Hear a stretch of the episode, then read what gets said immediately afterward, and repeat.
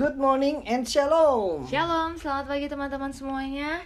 Hari ini kembali kita akan beribadah secara online ya. Hari ini udah hari Minggu, teman-teman. cepet ya. Uh, semangat ya semuanya. Selamat menikmati uh, hadirat Tuhan di dalam ibadah hari ini sepanjang hari ini.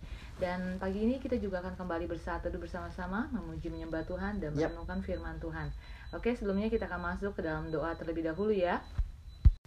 Terima kasih Bapak, terima kasih Tuhan Yesus, terima kasih Roh Kudus. Kami bersuka cita dan kami mengucap syukur untuk pagi hari ini. Terima kasih untuk rahmatmu yang baru di setiap pagi. Terima kasih untuk keberadaan kami Tuhan. Kami menyadari Yesus bahwa kalau sampai saat ini kami boleh ada sebagaimana kami ada, semua karena anugerahmu, semua karena kasih karuniamu dalam kehidupan kami.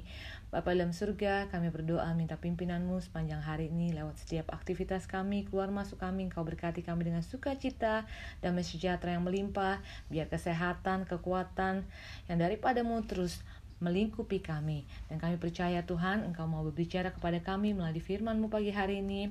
Biar Engkau sampaikan firman-Mu dan kami sambut firman-Mu dengan penuh sukacita. Di dalam nama Yesus kami berdoa dan mengucap syukur. Haleluya. Amin.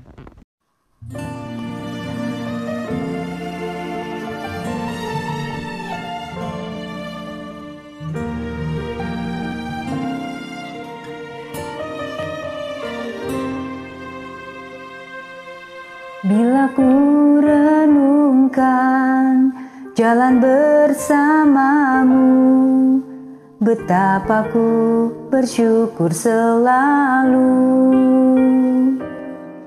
Melewati waktu teruji kasihmu Semakin hari ku mengasihimu. Bapakku yang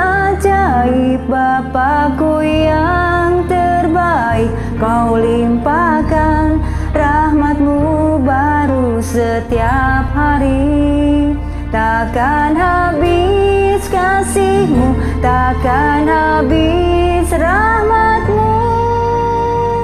Selalu ada pertolongan bagiku.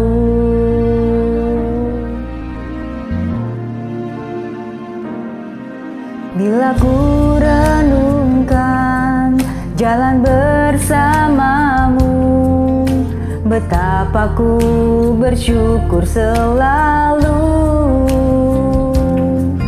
Melewati waktu. Teruji kasihmu Semakin hari ku mengasihimu. Bapakku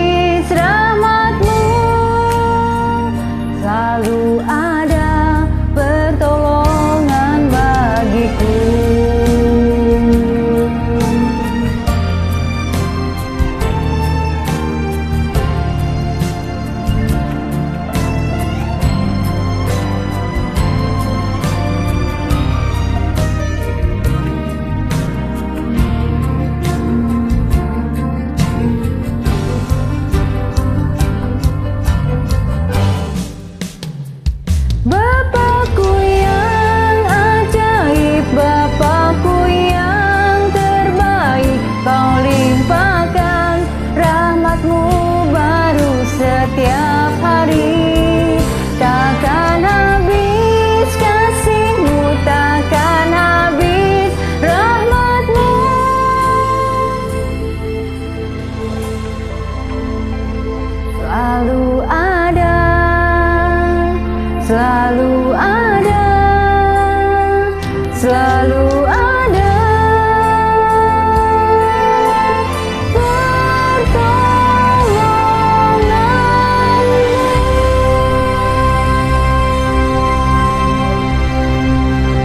Bacaan Alkitab hari ini 1 Yohanes 2. Kristus pengantara kita. Anak-anakku, hal-hal ini kutuliskan kepada kamu, supaya kamu jangan berbuat dosa. Namun, jika seorang berbuat dosa, kita mempunyai seorang pengantara pada Bapa, yaitu Yesus Kristus yang adil. dan ia adalah pendamaian untuk segala dosa kita, dan bukan untuk dosa kita saja, tetapi juga untuk dosa seluruh dunia. Dan inilah tandanya bahwa kita mengenal Allah, yaitu jikalau kita menuruti perintah-perintahnya. Barang siapa berkata, aku mengenal dia, tetapi ia tidak menuruti perintahnya, ia adalah seorang pendusta, dan di dalamnya tidak ada kebenaran. Tetapi barang siapa menuruti firman-Nya, di dalam orang itu sungguh sudah sempurna kasih Allah. Dengan itulah kita ketahui bahwa kita ada di dalam Dia. Barang siapa mengatakan bahwa ia ada di dalam Dia, ia wajib hidup sama seperti Kristus telah hidup. Perintah yang baru. Saudara-saudara yang kekasih, bukan perintah baru yang kutuliskan kepada kamu, melainkan perintah lama yang telah ada padamu dari mulanya. Perintah lama itu ialah firman yang telah kamu dengar, namun perintah baru juga yang kutuliskan kepada kamu telah ternyata benar di dalam dia dan di dalam kamu. Sebab kegelapan sedang lenyap dan terang yang benar telah bercahaya. Barang siapa berkata bahwa ia berada di dalam terang, tetapi ia membenci saudaranya, ia berada di dalam kegelapan sampai sekarang. Barang siapa mengasihi saudaranya, dia tetap berada di dalam terang, dan di dalam dia tidak ada penyesatan. Tetapi barang siapa membenci saudaranya, ia berada di dalam kegelapan dan hidup di dalam kegelapan. Ia tidak tahu ke mana ia pergi, karena kegelapan itu telah membutakan matanya. Aku menulis kepada kamu, hai anak-anak, sebab dosamu telah diampuni oleh karena namanya. Aku menulis kepada kamu, hai bapa-bapa, karena kamu telah mengenal dia yang ada dari mulanya. Aku menulis kepada kamu, hai orang-orang muda, karena kamu telah mengalahkan yang jahat. Aku menulis kepada kamu, hai anak-anak, karena kamu mengenal Bapa. Aku menulis kepada kamu, hai Bapa-Bapa, karena kamu mengenal Dia yang ada dari mulanya. Aku menulis kepada kamu, hai orang-orang muda, karena kamu kuat, dan firman Allah diam di dalam kamu, dan kamu telah mengalahkan yang jahat. Janganlah kamu mengasihi dunia dan apa yang ada di dalamnya. Jikalau orang mengasihi dunia, maka kasih akan Bapa tidak ada di dalam orang itu. Sebab semua yang ada di dalam dunia, yaitu keinginan daging dan keinginan mata, serta keangkuhan hidup, bukanlah berasal dari Bapa, melainkan dari dunia. Dan dunia ini sedang lenyap dengan keinginannya, tetapi orang yang melakukan kehendak Allah tetap hidup selama-lamanya. Antikristus Anak-anakku, waktu ini adalah waktu yang terakhir, dan seperti yang telah kamu dengar, seorang antikristus akan datang. Sekarang telah bangkit banyak antikristus. Itulah tandanya bahwa waktu ini benar-benar adalah waktu yang terakhir. Memang mereka berasal dari antara kita, tetapi mereka tidak sungguh-sungguh termasuk pada kita. Sebab jika mereka sungguh-sungguh termasuk pada kita, niscaya mereka tetap bersama-sama dengan kita. Tetapi hal itu terjadi supaya menjadi nyata bahwa tidak semua mereka sungguh-sungguh termasuk pada kita. Tetapi kamu telah beroleh pengurapan dari yang kudus, dan dengan demikian kamu semua mengetahuinya. Aku menulis kepadamu bukan karena kamu tidak mengetahui kebenaran, tetapi justru karena kamu mengetahuinya, dan karena kamu juga mengetahui bahwa tidak ada dusta yang berasal dari kebenaran. Siapakah pendusta itu? Bukankah dia yang menyangkal bahwa Yesus adalah Kristus? dia itu adalah antikristus, yaitu dia yang menyangkal baik bapa maupun anak. Sebab barang siapa menyangkal anak, ia juga tidak memiliki bapa. Barang siapa mengaku anak, ia juga memiliki bapa. Dan kamu, apa yang telah kamu dengar dari mulanya, itu harus tetap tinggal di dalam kamu. Jika apa yang telah kamu dengar dari mulanya itu tetap tinggal di dalam kamu, maka kamu akan tetap tinggal di dalam anak dan di dalam Bapa. Dan inilah janji yang telah dijanjikannya sendiri kepada kita, yaitu hidup yang kekal. Semua itu kutulis kepadamu, yaitu mengenai orang-orang yang berusaha menyesatkan kamu. Sebab di dalam diri kamu tetap ada pengurapan yang telah kamu terima daripadanya. Karena itu tidak perlu kamu diajar oleh orang lain tetapi sebagaimana pengurapannya mengajar kamu tentang segala sesuatu, dan pengajarannya itu benar, tidak dusta, dan sebagaimana ia dahulu telah mengajar kamu, demikianlah hendaknya kamu tetap tinggal di dalam dia. anak-anak Allah. Maka sekarang anak-anakku, tinggallah di dalam Kristus, supaya apabila ia menyatakan dirinya, kita beroleh keberanian percaya dan tidak usah malu terhadap dia pada hari kedatangannya. Jikalau kamu tahu bahwa ia adalah benar, kamu harus tahu juga bahwa setiap orang yang berbuat kebenaran lahir daripadanya. Shalom Cimaria. Cimaria, thank you so much ya sudah bersedia Thank you. melayani bersama-sama kami pagi hari ini untuk membacakan firman Tuhan di 1 Yohanes 2. God bless you. Ayat favorit saya di 1 Yohanes 2 ayat 4 sampai 6, 11, 17, 28 sampai 29. If someone claims I know God but doesn't obey God's commandments, that person is a liar and is not living in the truth. But those who obey God's word truly show how completely they love Him. That is how we know we are living in Him. Those who say they live in God should live their lives as Jesus did. But anyone who hates a fellow believer is still living and walking in darkness. Such a person does not know the way to go, having been blinded by the darkness. And this world is fading away along with everything that people crave. But anyone who does what pleases God will live forever. And now, dear children, remain in fellowship with Christ so that when he returns, you will be full of courage and not shrink back from him in shame.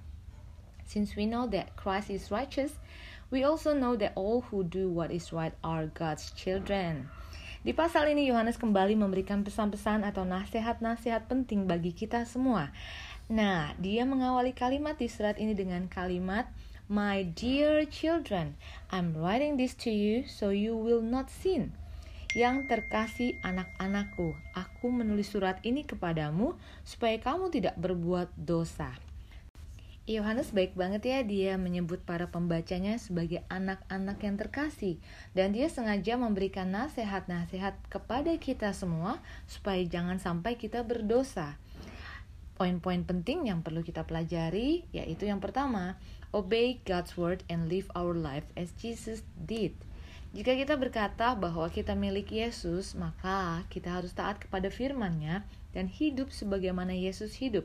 Artinya, marilah kita jalani kehidupan kita dengan ketaatan penuh akan segala perintah-perintahnya dan segala pengajaran-pengajarannya, serta mengasihinya dengan sungguh-sungguh. Poin yang kedua, kalau kita benci kepada sesama orang percaya, berarti kita masih hidup di dalam kegelapan. Teman-teman, mungkin akan ada saatnya di mana saudara seiman kita itu nyebelin banget dan mungkin menyakiti kita sehingga kita tuh kesel atau benci kalau ketemu dan ngelihat dia. Tapi firman Tuhan pagi hari ini ingatkan kepada kita supaya kita nggak boleh membenci dia, tetapi kita harus mengasihi dia. Kita harus membuktikan bahwa kita adalah anak-anak yang hidup di dalam terang Kristus dan kita harus belajar untuk mengampuni dengan tulus. Poin yang ketiga, dunia dan segala yang ada di dalamnya suatu saat nanti akan sirna. Tetapi setiap orang yang kehidupannya menyenangkan hati Tuhan akan hidup selamanya.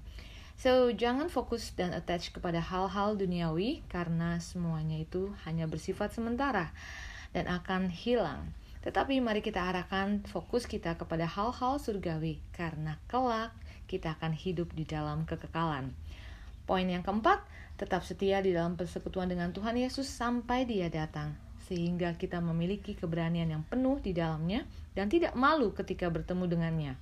Bukti nyata sebagai anak-anak Tuhan, mari kita lakukan hal yang benar dan berkenan kepada Tuhan, sehingga ketika Tuhan Yesus datang nanti, Dia akan menyebut kita layak dan pantas untuk memperoleh bagian di dalam kerajaannya.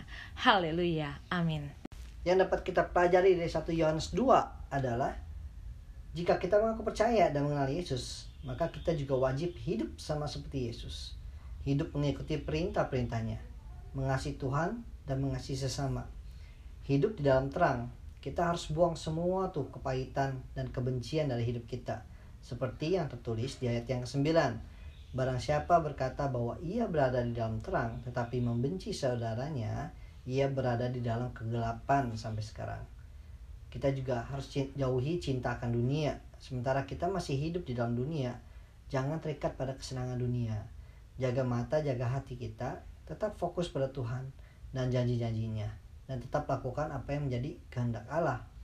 waspada terhadap roh antikristus yang sudah ada sejak para rasul. Tujuan mereka yaitu memecah belah keluarga Allah dan menjauhkan semua pengikut Yesus dari kebenaran Injil. Banyak sekali penyelewengan moral dan kebenaran yang terjadi akhir-akhir ini.